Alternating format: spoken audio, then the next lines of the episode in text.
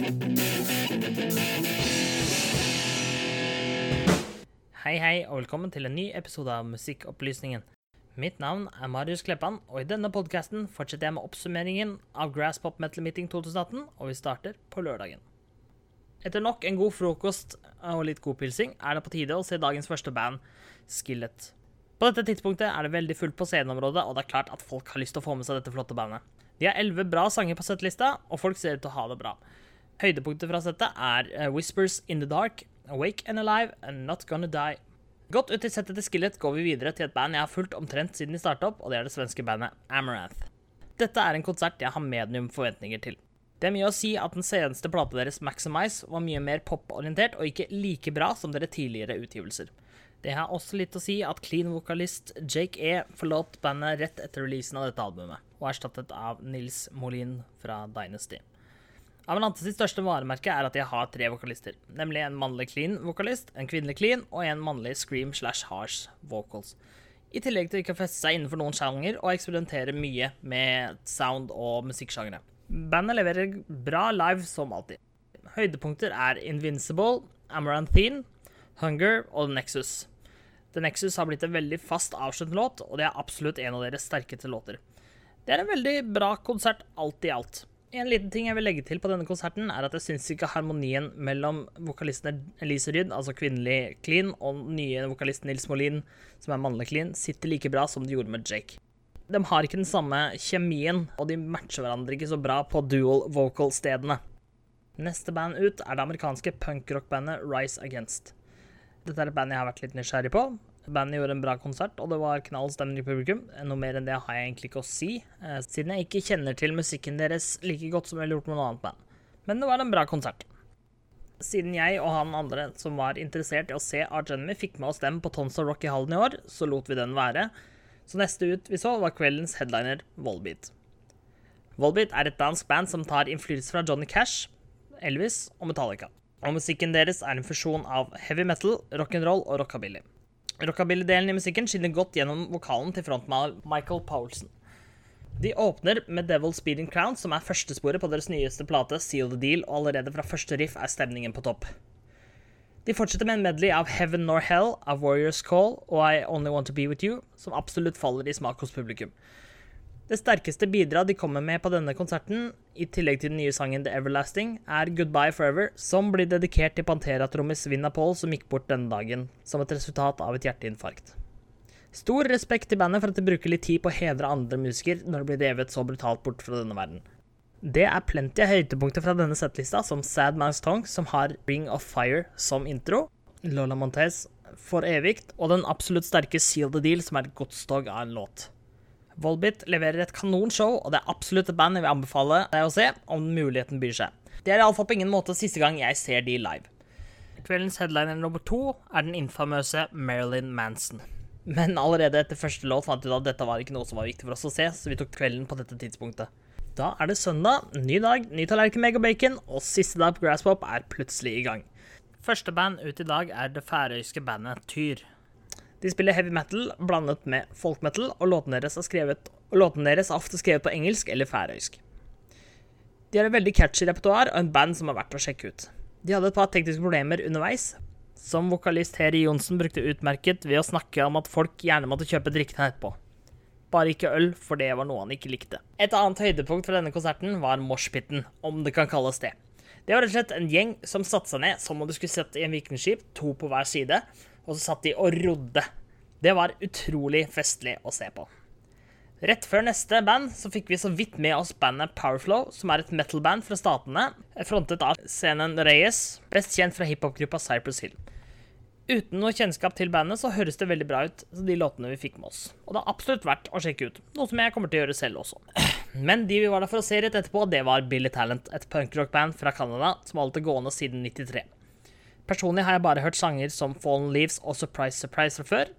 Eh, begge disse sangene var inkludert i settet, og det var et veldig bra sett. Etter en litt kort pause fra konserter med litt snacks og drikke, var det videre til neste band. Først ut var Limp Biscuit, og det var et uh, spesielt show. Som tredje sang ut spilte de Rollins, som kanskje er den mest kjente sangen deres, og et par originale sanger etter dette. Men utover dette var det stort sett coveret. Personlig visste jeg ikke at Limp Bizkit var et coverband, som heller ikke hadde så veldig stor appell for meg. Og når vokalist Fred Durst åpner med å si at han som skrev denne sangen, ville ikke at jeg skulle spille sangen hans, men fuck han, jeg gjør det likevel. Rett før de spilte 'Killing in the Name' av Rage Against the Machine, falt litt flatt hos meg. Det var litt for dumt. Men det som kanskje var det beste med den konserten, var at en jente i rullestol crowdsurfa i rullestol helt fram til scenen, og ble til og med tatt opp på scenen. Det var dritkult gjort, og det var kult av Fred Durst å ta henne opp på scenen på den måten. Dette reddet på ingen måte konserten, så jeg vil nok ikke anbefale Limp Bizkit til noen. Neste konsert var Bullet for Valentine, som er på en turné med sitt nye album Gravity. De hadde et flott show hvor de spilte en god miks av gamle slagere og ny musikk. Det er et bra band som er verdt å få med seg hvis man har muligheten. Som neste band ut har vi Hollywood Vampires, med selveste Alice Cooper i front. Og i bandet har vi med folk som har spilt og fortsatt spiller med Alice Cooper, i tillegg til Aerosmith-gitarist Joe Perry og skuespiller Johnny Depp på gitar. De leverer et solid sett med coverlåter fra Alice Cooper, ACDC, Aerosmith og flere. Det var et bra show, og de leverte, og absolutt verdt å se. Neste ut var bautaene Judas Priest, som utrolig nok kom med et nytt album nylig, som heter Firepower. Bandet har en utrolig badass scenetilværelse, og de viser at de virkelig eier scenen, og det er så klart grunnet deres lange fartstid i bransjen. Det begynner å vise godt at vokalist Rob Halford begynner å dra på åra, men det hindrer ikke stemmen på noen måte. Han kan fortsatt synge bra, og bandet kan fortsatt holde god stemning i publikum. Så går vi inn på den største headlinen for festivalen, Ossie Osborne. Han er nå ute på sin siste turné, passende kalt No More Tours, som er et ordspill på No More Tears og det synes at han også begynner å dra på åra. Så det er ikke så rart at dette mest sannsynlig blir hans siste turné. Men han kan fortsatt gjøre et greit show, men stemmen er ikke helt optimal lenger. Det hjelper godt at han har med gitarist Zack Wild, som har spilt med oss i før, og også er kjent fra Black Label Society.